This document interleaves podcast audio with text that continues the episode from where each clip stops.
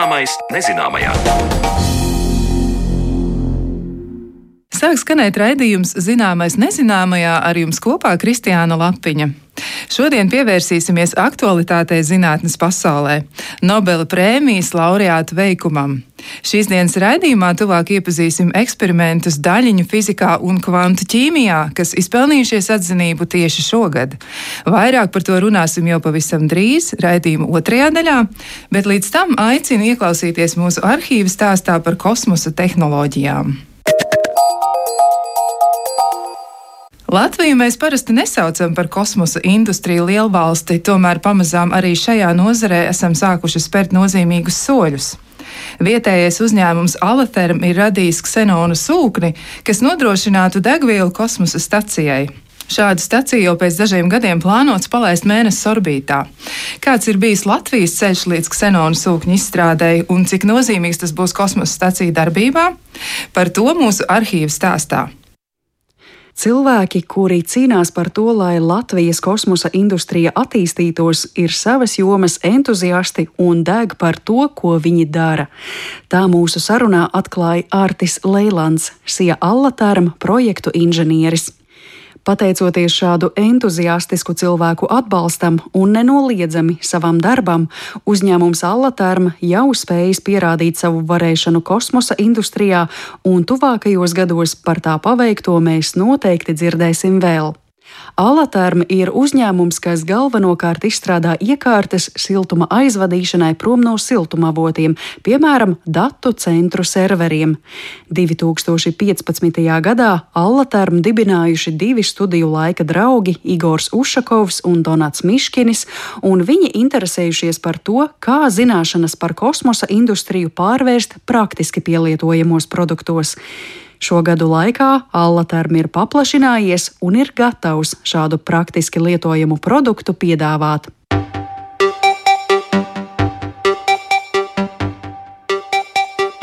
Pēc Eiropas kosmosa aģentūras pasūtījuma un sadarbībā ar vienu no Eiropas vadošajiem kosmosa industrijas uzņēmumiem Vācijā, Allaterm ir radījis unikālu tehnoloģiju - ksenona degvielas sūkni.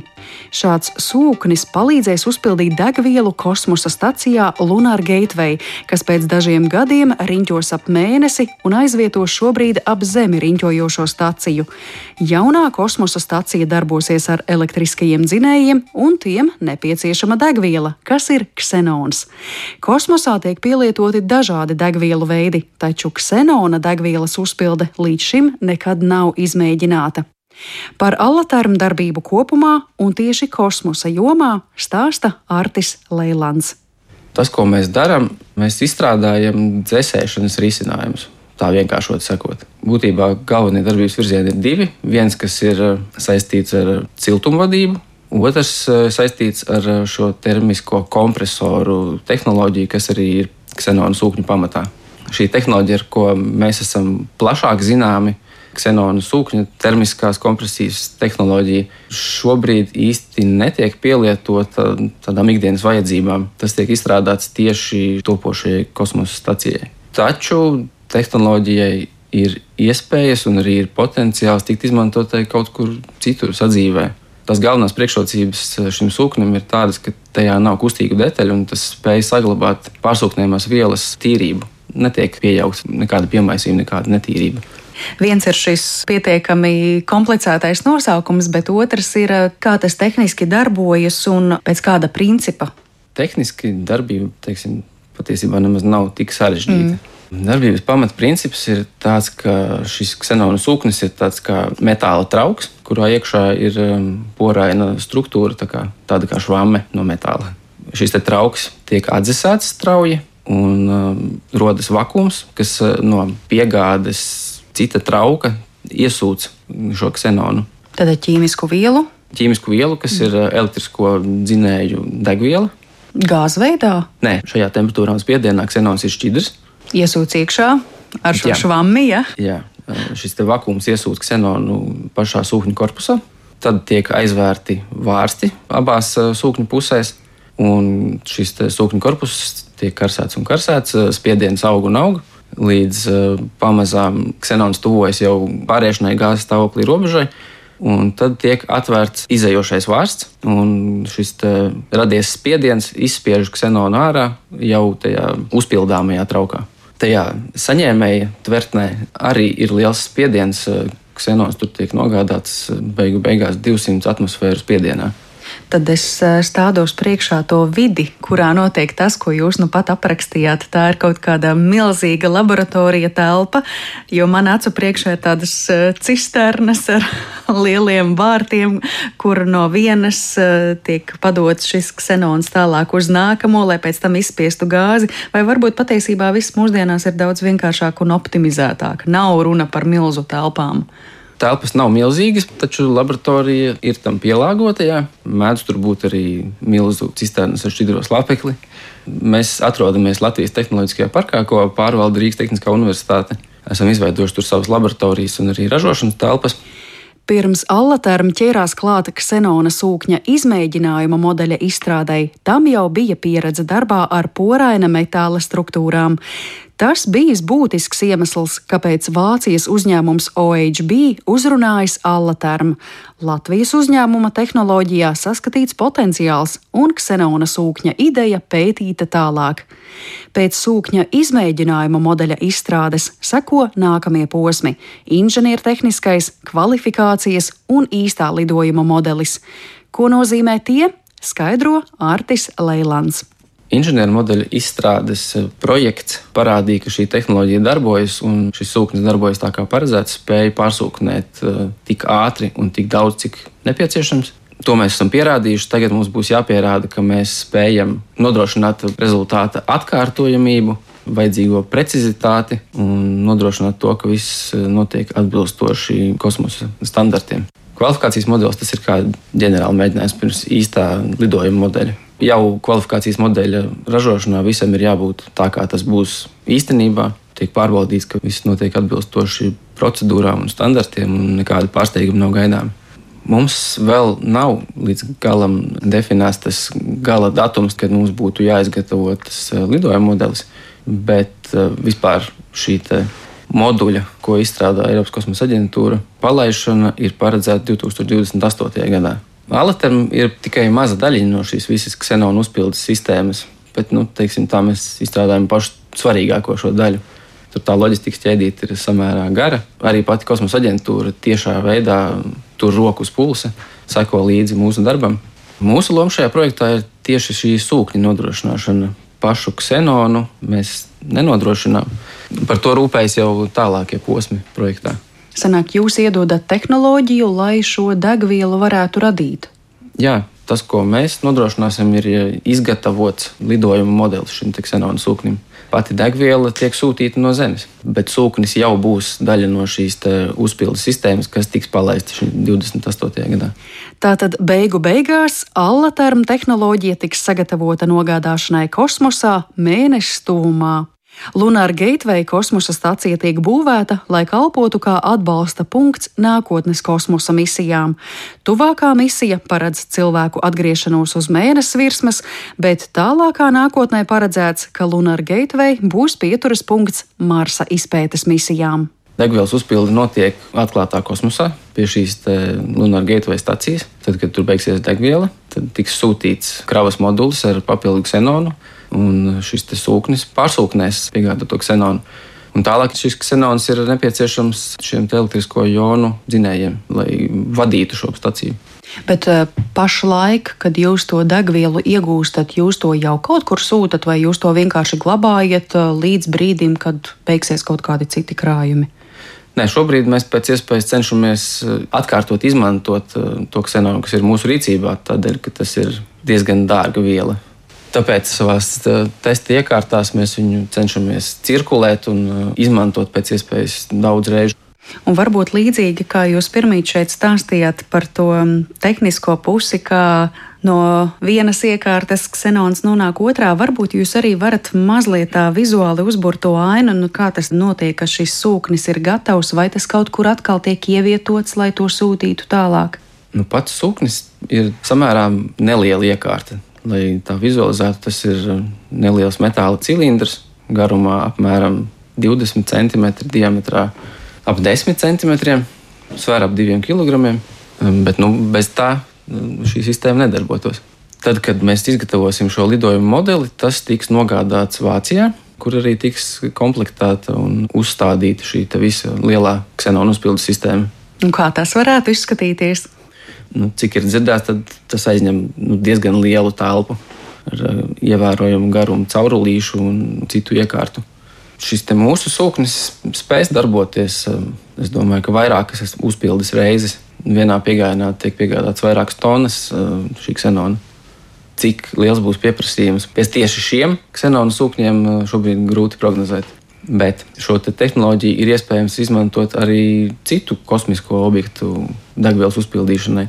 Šobrīd vēl tāda funkcionalitāte īsti nav paredzēta, taču jau tiek izstrādāti standarti, un eh, dažos satelītos tiek iestrādātas jau iespējas papildināt degvielu.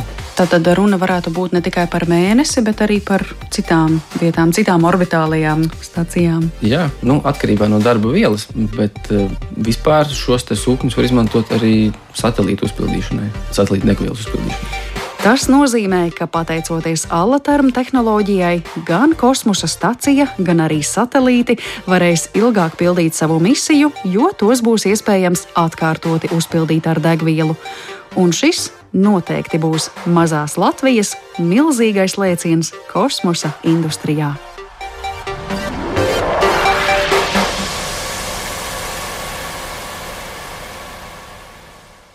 Dzirdējām Marijas Baltkalnes stāstu par kosmosa tehnoloģijām, kas top tepat Latvijā.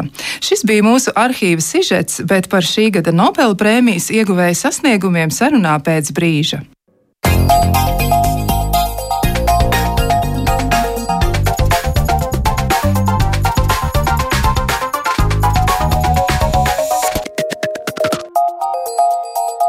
Zināmais, nezināmajā. Gaismas fizika. Vienā gadījumā tas ir par ārkārtīgi īsiem gaismas impulsiem, otrā gadījumā par ar ķīmijas metodēm iegūtiem gaismu emitējošiem nanopunktiem. Kas tas viss īsti ir? Kāpēc tie ir svarīgi zinātnes atklājumi? Šos un citus jautājumus par šī gada Nobela prēmiju uzdošu maniem šīs dienas viesiem. Esiet sveicināti! Pie mums šodien ir Latvijas Universitātes fizikas, matemātikas un optometrijas fakultātes profesors un lāzera centra vadītājs Mārcis Sauziņš. Labdien. Un vēl šajā sarunā šodien piedalās arī Rīgas Tehniskās Universitātes materiāla zinātnes un lietišķās ķīmijas fakultātes profesors Sergejs Gaidukovs. Sveicināti! Labdien. Nu, lūk, nu, pirmais tas mans jautājums būs šajā gadījumā profesoram Auziņam. Es gribētu jautāt, Nu, kādas bija jūsu prognozes par to, kas saņems Nobela prēmiju šogad?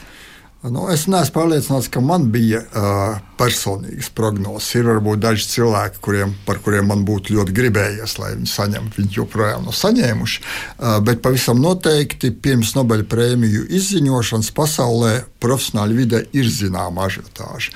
Un, piemēram, ir Angļu fizikas biedrība, kas saucās Fizikas institūts, kas katru gadu prognozē Nobela prēmijas uh, potenciālos laureātus. Uh, trāpa diezgan reti. Uh, jo mēs saprotam, ka šī, nu, tas nav piemēram sprints sportā, kur mēs precīzi varam pateikt, ka šis noskrēja pa simtdesmit sekundi ātrāk. Līdz ar to, protams, Nobeļa prēmijas ir samērā subjektīva lieta, jo to piešķir relatīvi neliela cilvēku kopa. Zviedri, Zviedrijas Karaliskā Zinātņu akadēmijas nu, izveidota komiteja, kas sastāv tikai no Zviedru uh, profesoriem, no Zviedru, akadē, Zviedru Karaliskā Zinātņu akadēmijas locekļiem.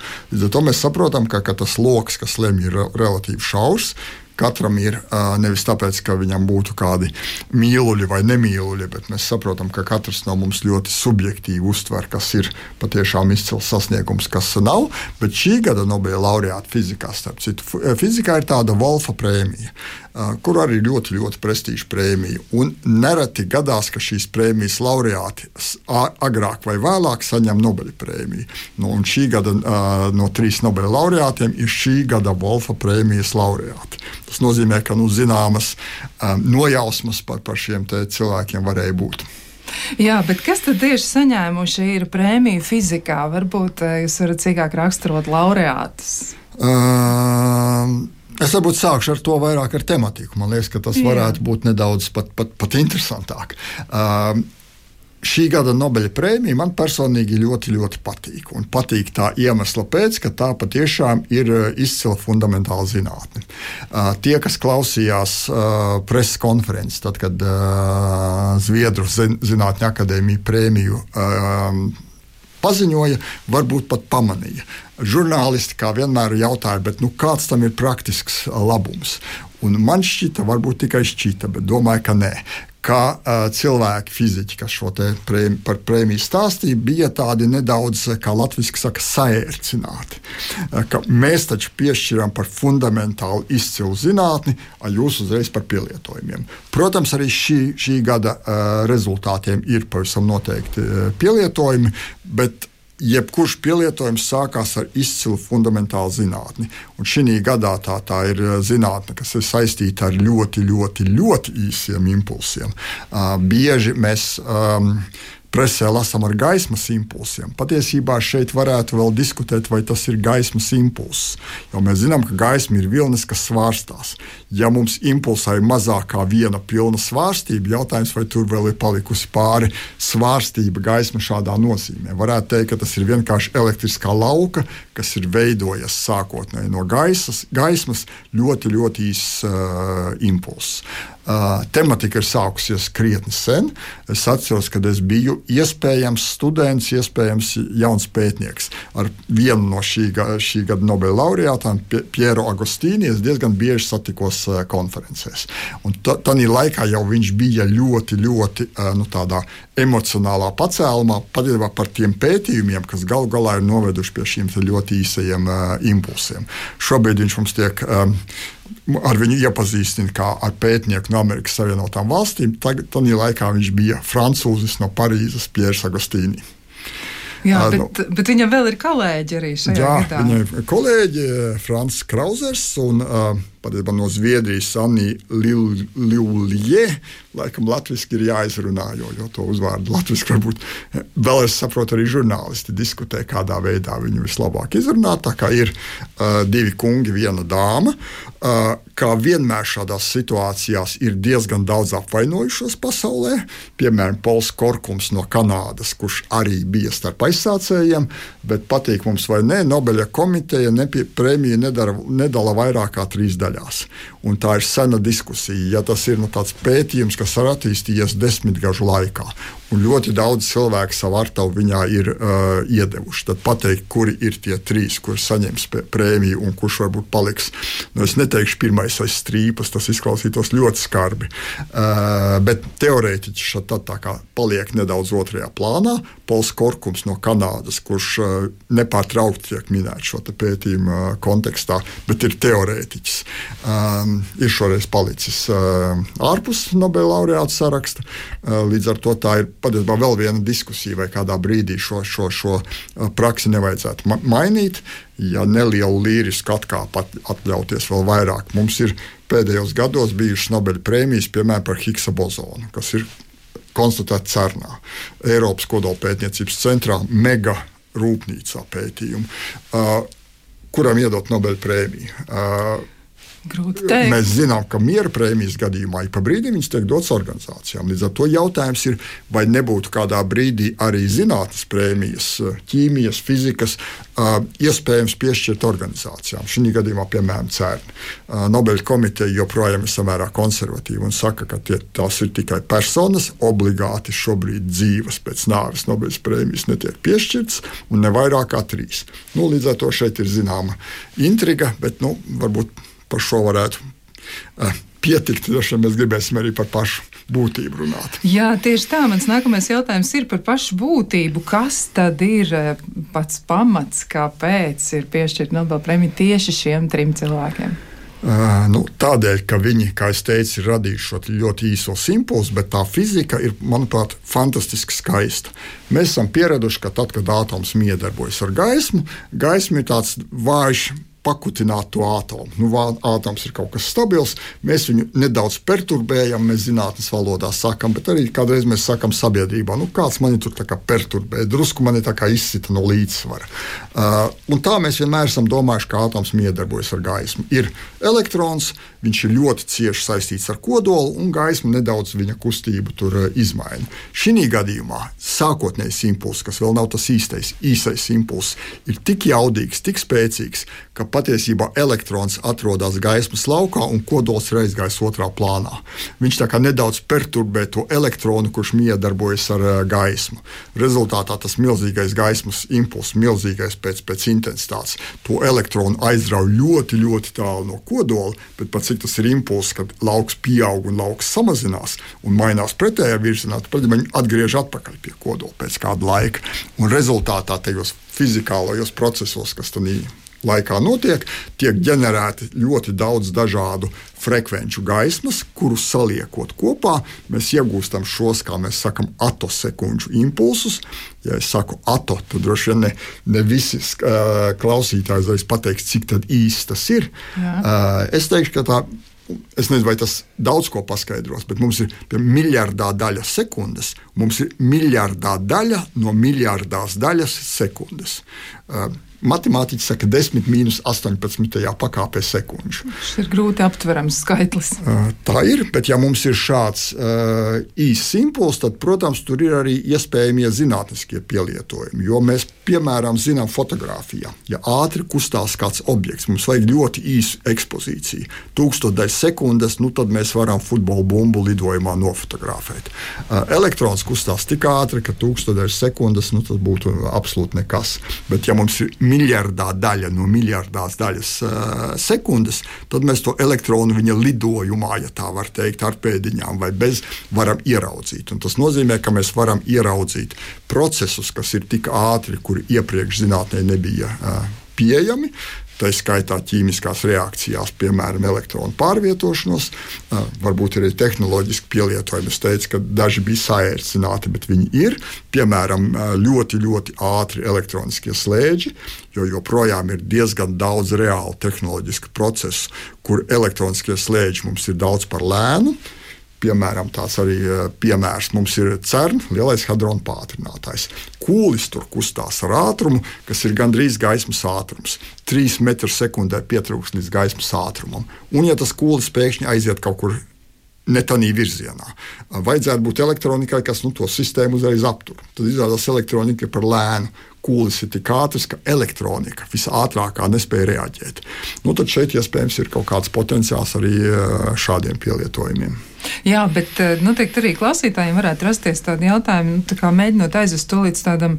Iespējams, vēl vienkāršotākam skatījumam, jo jūs izskaidrojāt nu, tā ļoti, ļoti tiešām, nu, es atļaušos teikt, zinātniski, bet Tas pats žurnālisti jautājums visticamāk ir parasti tieši par to, nu, kā mēs to praktiski varam pielietot bez tā piemēra, ko jūs minējāt, kur vēl tas būtu izmantojams. Uh, nu, kā jau teicu, piemēram, tas, kad es saku, ka mēs varam ķīmiskā reakcijā ieraudzīt, kā elektrons pārvietojas, šķiet ļoti abstrakti.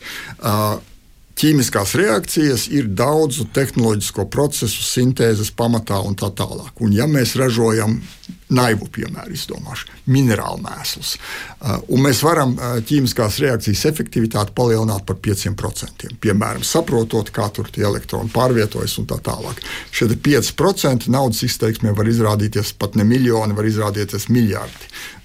Globālajā uh, skalā.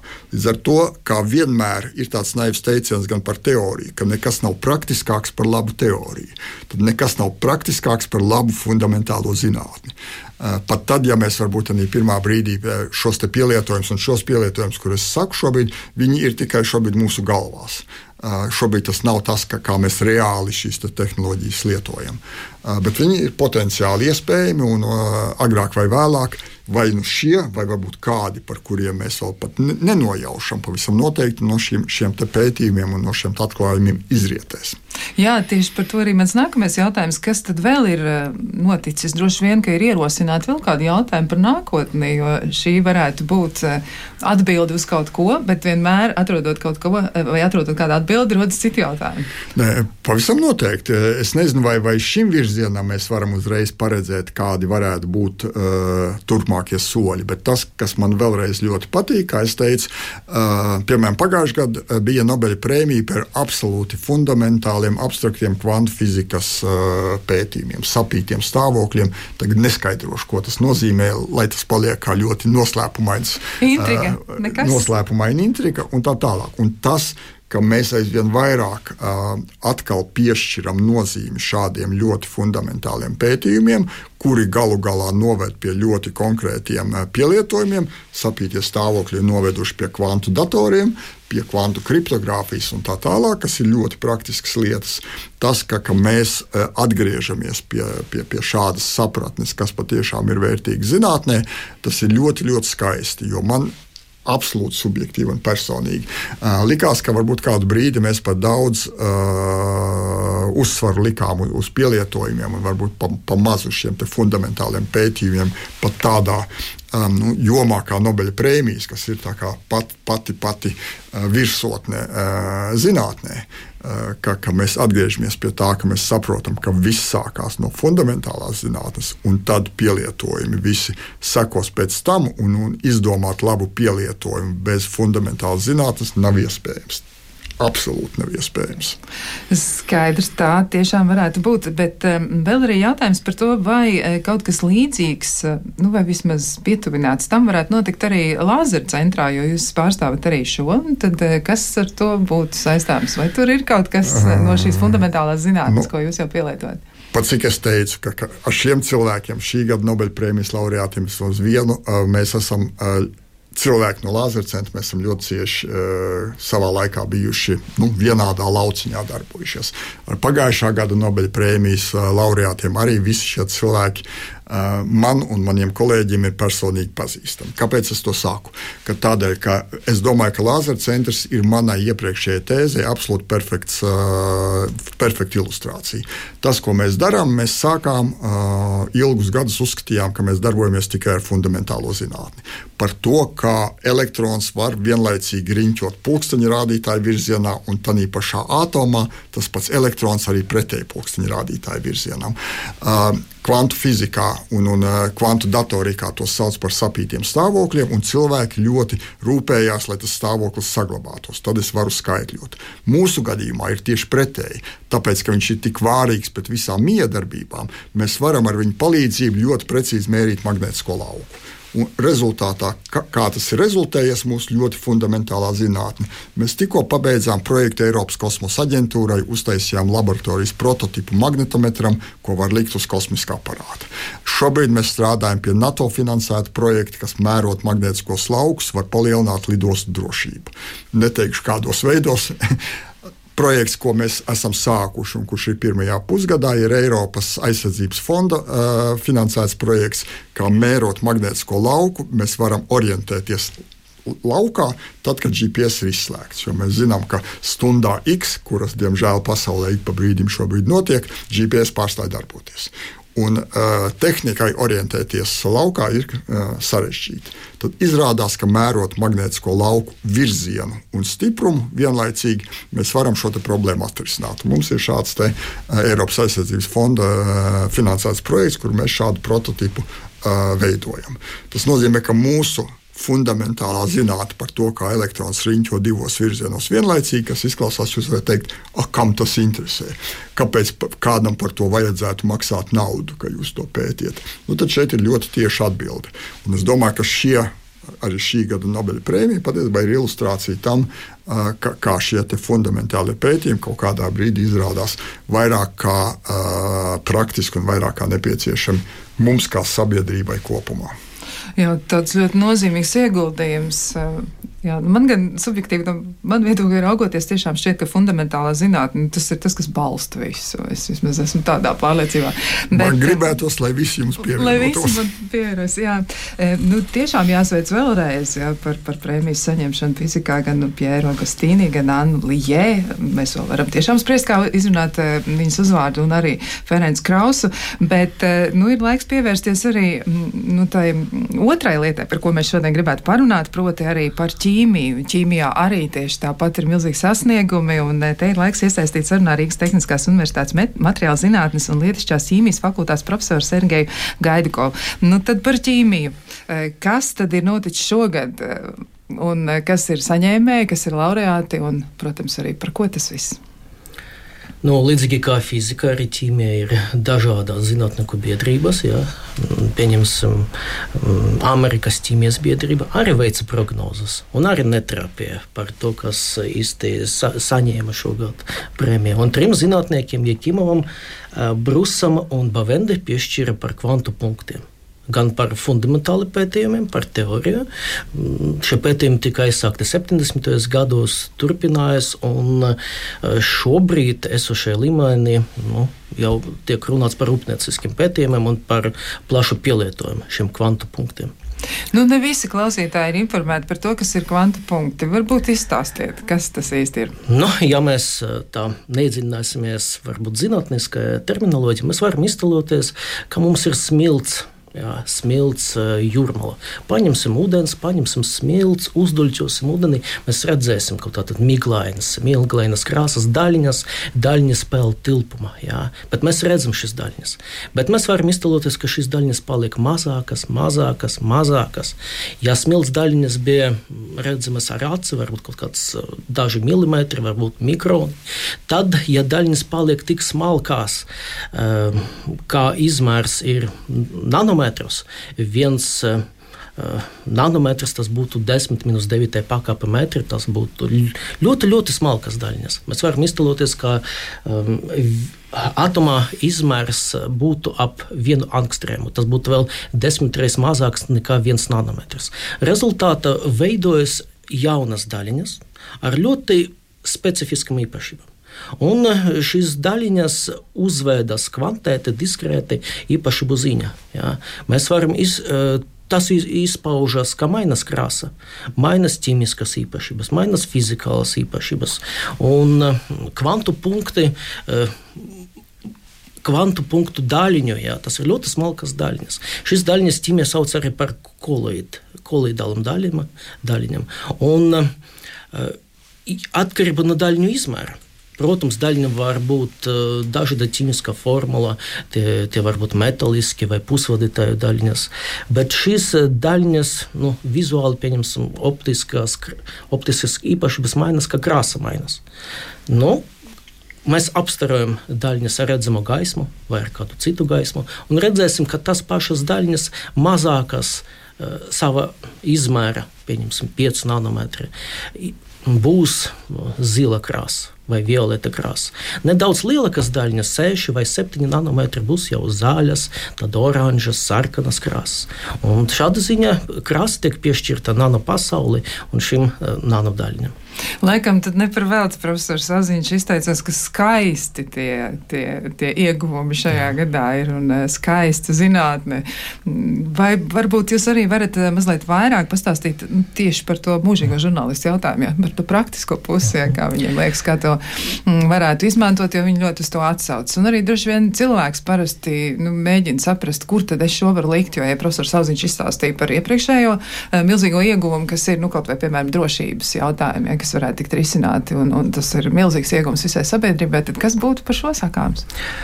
Nu, ļoti līdzīgi, pielietojums ļoti dažāds. Ja sākotnēji pētījumi 70. un 80. gados bija saistīti ar stiklu, jā, cilvēki konstatēja, ka, ja mazas, mazas šīs daļiņas ir stikla, tad stiklam mainās krāsa. Tur var būt kādas metāliskas, mazas daļiņas, un spēja pagatavot, spēja izpētīt ja, un veidot šos teorētiskus pamatus, kā krāsa, pieņemsim, stikla krāsa saistīta ar daļņu izmēru. Jā. Rezultātā parādījās šis dimensijas aspekts. Nav tikai ķīmiska daba vai ķīmiska struktūra, bet arī dimensija. Un pielietojums mums ir visapkārt. Dažādi stikli, dažādi pārklājumi stikliem, kuri satur šīs nanodaļiņas. Un arī vēsturiski, principā, ja mēs aiziesim uz muzeju, mēs redzēsim dažādas, pieņemsim, dažādas stiklus, dažādas, pieņemsim, stikla fragmentus vai vāze vai nu kāds vitrāžas stikls, dažāda krāsa krāsa. Un tas arī pateicoties tieši tam, ka stikls satur šīs ļoti, ļoti mazas daļiņas noteikta izmēra. Un šīs daļiņas var iegūt ļoti dažādi karsēt vai dzēsēt materiālu. Rezultātā var regulēt daļiņu izmēru. Un principā unikalitāte ir tāda, ka tikai ar daļiņu izmēru mēs varam piešķirt šīs krāsas. Tas ir tā kā teorija. Cilvēki to pētīja. Ja? Viens no tiem Nobeļas prēmijas laureātiem mm, izgudroja un arī ieviesa sintēzes metodi. Jā. Viņš mm, pēc viņa metodes šobrīd ražo šīs nanodaļas ne tikai mazas, mazas daudzumos laboratorijā, bet var arī mērogot šo procesu un tehnoloģiski ražot kilogramus. Un tas arī deva iespēju šīs nanodaļas, kuras ir dažādas krāsas, regulējumu izmēru, pielietot nu, kaut um, pieņemsim, dažādos pieņemsim, optiskos displejus. Ja mēs iesim uz veikalu, tad vairākas kompānijas piedāvā šobrīd jau QLED displejus. LED tas ir gaismas emitējušas diodes, un Q tas ir nāk no kvantu punktiem. Pieņemsim, ejiet uz veikalu, jums gribās televizoru ar izcilu izšķirtspēju, 4K vai 8K tehnoloģiju, ļoti spilgtu ekrānu. Varbūt ir vērts izvēlēties to. Un tad tiešām viņš satur šīs mazas daļiņas, kuras ļauj nu, principā, pārveido gaismu, un tad veidojas vai nu zāļa, vai nu sarkanā, vai nu zila gaisma. Atkarībā no tā, kādas ir daļiņas un kāds izmērs. Jā, bet pārlasot arī pētījuma, ja pētījumu būtu kopus aprakstu, ja, par, arī par noslēpumainajiem kvantu punktiem, ja, un arī profesors Auziņš savā zinātnes slējā to ir pieminējis, nu, tur ir arī par, mm, nu, par tādu ļoti īpatnēju lietu e, elektrons potenciālā bedrē. Ko tad tas nozīmē? Ja? Jo arī nu, šis ir tā viss kontekstā. Nu, ja mēs iztēlosimies, ka mums ir kāda kastīte. Ja? Tad, tad tur tajā kastītē mums ir daļņa, kura var pārvietoties visādos veidos. Un pēc būtības, pēc varbūtības teorijas, tā daļņa, tā lodīte var atrasties jebkurā punktā. Un tā varbūtība, ka viņa tieši atrodas šeit vai cita vieta, būs vienāda. Un, ja šī kastīte jā, vai bedra ir pietiekami liela, tad tas tiešām tas darbojas. Jā. Bet, ja mēs samazinām šīs objekta izmērus līdz nanomērogam, tad nu, teorija nosaka to, kvantu teorija nosaka tā, ka šī daļiņa, pieņemsim, nu, elektrons, jā, arī kā daļiņa, var atrasties tikai noteiktas vietas un citas vietas būs aizliegtas. Jā. Tas principā ir kvantēts stāvoklis vai diskrēts stāvoklis, un tad arī ir iespējams, protams, pārējais starp šiem stāvokļiem. Jā. Bet noteiktas vietas būs aizliegtas. Un to arī var šāda veida izmantot. Ja, kad mēs apstarojam um, ar kādu redzamu gaismu, šis kvantu daļiņas, tad elektrons uh, no valences zonas pāriet vādītspējas zona, pēc tam notiek relaksācija un notiek gaismas uh, kvanta izstarošana. Un atkarībā no daļiņas izmēra, cik tur elektroni, cik, uh, cik atomi ir viena daļiņa, šis attālums starp zonām var atšķirties. Un tas rezultātā arī noved pie tā, ka var iegūt šos smukus, skaistus kvantu efektus un arī smukus, skaistus pielietojumus, ka var apgaismot kaut ko. Jā. Vai nu var pātrināt ķīmiskas reakcijas ar kvantu punktiem, vai nu var izmantot medicīnu, lai cīnītos pret vēzi un apgaismotu noteiktus organus. Un tad eh, joprojām tiek meklēti dažādi pielietojumi, meklētas iespējas, kā sintēzēt jaunas šīs daļiņas, vai vēl precīzāk kontrolēt šīs īpašības, un precīzāk varbūt kontrolēt arī struktūru šīm daļiņām, vai pārklāt šīs daļiņas ar polimeriem.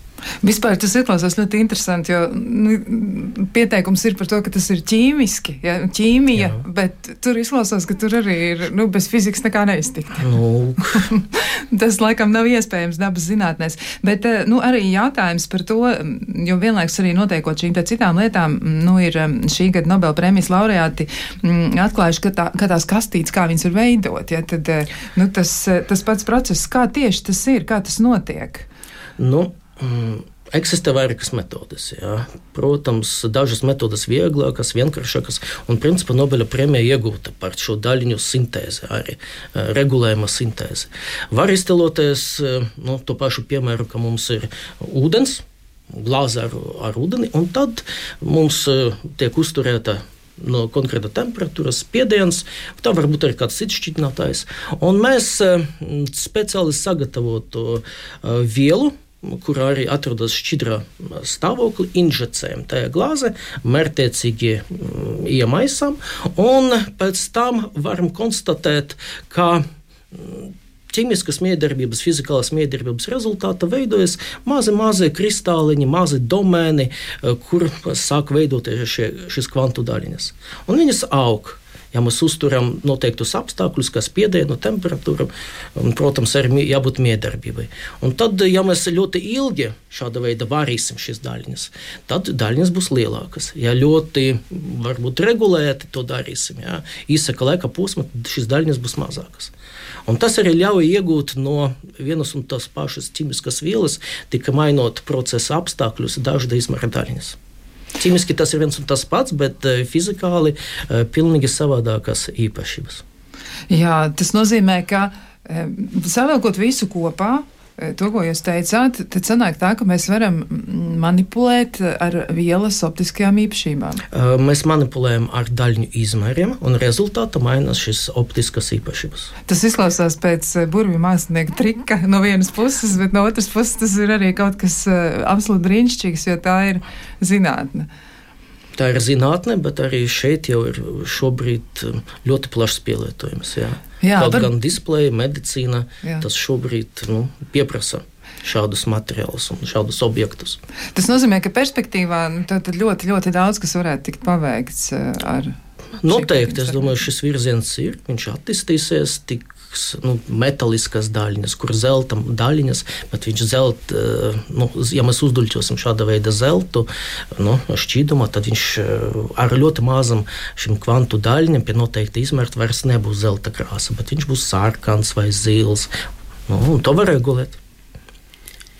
Jo drīkst vienu fizikas protams. aspektu. Pilnīgi noteikti. Jā, jā. jā. Jo tad, kad mēs runājam par šīm mazajām daļiņām, un jūs pieminējāt, ka tā varbūt ir uh, potenciālā bedre, tad man gribētos piedāvāt šeit sekojošu analoģiju. Mums ir ērģeļa caurulis, un mēs labi zinām, ka ērģeļa caurulē tonis ir ļoti zems, ja caurule ir liela. Jo tur ievietojās viens garš vilnis, tad ērģeļa caurulē. Ja mēs paņemam mazu ērģeļa caurulīti, tur ievietojas daudz īsāks vilnis, un tonis ir daudz augstāks. Ja mēs šo eh, nano daļiņu, šo bumbiņu, uzskatām patiesībā par šādu cauruli, nu, kas ir tikai apaļa. Un elektrons mums ir vilnis.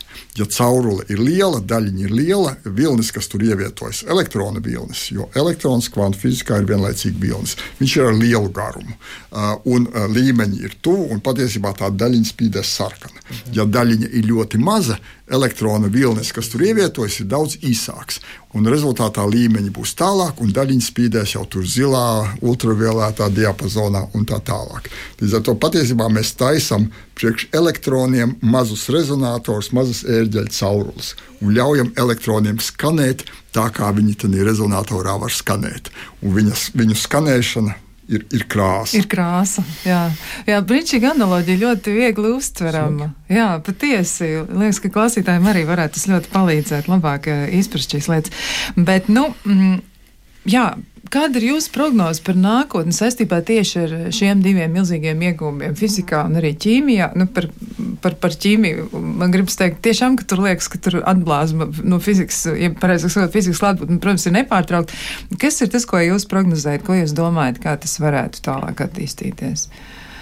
Vēl. Kas, kas varētu vēl nākt klāt? Un tāds pat ekstravagants idejas varbūt jums ir par šo. Uh, Ja drīkst, es izstāstīšu stāstu, kas tieši neatbild, bet man liekas, ļoti, ļoti tuvu ir tam. Uh, bija tāds angļu ļoti ievērojams fiziķis Maikls Faradejs, kam patika publiski demonstrēt eksperimentus ar spolītēm, kurās ievieto magnētus, sāk plūst strāva un tā tālāk. Un tā ir leģenda, iespējams, ka viņa nav simtprocentīgi patiesa, bet katrā leģendā ir vēstījums, kas ir patiesa. Un leģenda ir tāda, ka vienā šādā publiskā demonstrējumā ir bijis klātā laikā Anglijas premjerministrs. Un viņš tieši tāpat kā jūs, Maiklam Faradējam, jautājis, teica, profesor Kungs, tas, ko jūs rādiet, izskatās tik fantastiski interesanti. Vai tam ir kāds praktisks pielietojums? Un Faradējs esot teicis, premjerministrs Kungs, man grūti iedomāties, ka elektrību kāds varētu praktiski izmantot. Bet bija stāsts otrā daļa. Bet es esmu pārliecināts, ka pēc dažiem gadiem jūs par viņu iekasēsiet nodokļus. Tas nozīmē, ka pielietojums atradīsies. Man liekas, ka šī zinātnē man gribētos uz viņu skatīties apmēram no šādām pozīcijām. Ka pat tad, ja mēs šobrīd nevaram precīzi pateikt, kurā vietā to izmantos, ja tā ir skaista, dziļa, fundamentāla zinātne, kas maina mūsu priekšstats par to, kā šī pasaule funkcionē, tad tam pavisam noteikti būs arī praktisks labums visu mūsu dzīvē. Jā, Jā. Nu, jautājums ir par vīziju. Jā. Ir bieži vien cilvēki, kuriem ir vīzija, jā, kā Tesla vai kāds cits, kuri redzēja, skatoties, ja ne šodien, tad, ja ne rīt, varbūt pārīt, bet noteikti būs. Šādas vīzijas ir jā, šobrīd arī attiecībā mm, varbūt par pielietojumu, īpaši kvantu punktus. Jā. Un šobrīd tie kvantu punkti jau ir pielietoti. Šobrīd notiek zināmā mērā jau jauna kvantu punktu sintēze, jauni pielietojumi, jo, lai neizmantotu smagus metālus, kā kadmiju, piemēram, kvantu punktus, lai aizvietotu ar kaut ko vienkāršāku vai vidi draudzīgāku. Tiek meklētas jaunas sintēzes. Jā, pieņemsim, bioķīmija, baktērijas, pieņemsim, var ražot kvantu punktus. Tas būtu kā piemērs. Bet par pielietojumam tiešām var tikai piekrist. Jā. Tas nāks tikai nākotnē, un tais pašos 70. gados, kad cilvēki veidoja teoriju par kvantu punktiem un pētīja šīs īpašības, viņas skaidroja, kā stikla krāsa atšķiras. Nu, bet šobrīd jau ir pielietojums QLED displejus. Un tais laikos varbūt viņi pat nevarēja iedomāties, ka šādi QLED displeji būtu šobrīd pieejama un arī pietiekami lēti. Līdz ar to pēc 50 gadiem varbūt tas būs jau ikdiena. Tā ir skaita gan uz fiziku, gan uz ķīmiju. Jā. Jā, nu mans pēdējais jautājums vēl par to, kāda ir jūsu prognoze par nākamā gada laureātiem. Vai jūs esat apdomājuši, kas tie varētu būt? Uh, es personīgi noteikti neizteikšu šoreiz prognozes, bet es ceru, ka tā būs laba fundamentālā zinātne. Prognozēt vienmēr ir kaut ko sarežģītu. Īpaši mm, fundamentālajās zinātnēs. Jā, jo mm, noteikti mums būs pārsteigums. Noteikti būs pārsteigums. Vēl jau vairāk varbūt es paturpinot domu, kas man patiesībā tikko ienāca prātā. Uh, Nobeļa komiteja izvēlās dažādus geogrāfiskos re reģionus, un ik pa brīdim uh, nozares pārstāvjiem jautā nominēt. Un es šogad saņēmu vēstuli ar lūgumu nominēt Nobelpremijas laureātus. Protams, kopā droši vien ļoti, ļoti daudziem citiem pasaulē. Līdz ar to es drīzāk šo, šo, šobrīd turēšu pirkstus sakrustots, kā saka, lai mans nominants vinnētu. Ai, mēs arī tad visi sakrastosim tos pirkstus un eh, nu, mēģināsim just līdzi nominantam, cerībā arī, ka viņam izdosies iegūt uh, prēmiju. Jā, nu, tas ir nu, milzīgs notikums, un, protams, katru reizi pasauli var savā ziņā aizturēt elpu gaidi, kas tad nu šogad, un visvairāk, protams, par to pārdzīvo zinātnieki. Bet uh, man arī gribētos noslēgumā citēt arī mm, profesora Auziņa minēto frāzi, kas pieder psihologam Kurtam Levinam, kur viņš ir teicis, ka nevar būt nekas praktisks būtiskāks kā laba teorija. Nu, laikam jau tā arī ir. Šajā mirklī teikšu paldies par sarunu gan Latvijas Universitātes fizikas, matemātikas un optometrijas fakultātes profesoram un Lāzera centra vadītājam Mārcim Auziņam un arī Rīgas Tehniskās Universitātes materiāla zinātnes un lietišķās ķīmijas fakultātes profesoram Sergejam Gaidukovam. Šajā raidījumā skanēja mūzikas redaktora Girta Biša izvēlētā mūzika, savukārt skaņu operatora bija Nora Mītspapa, bet ar jums runāja Kristiāna Lapiņa. Uz tikšanos kādu citu reizi!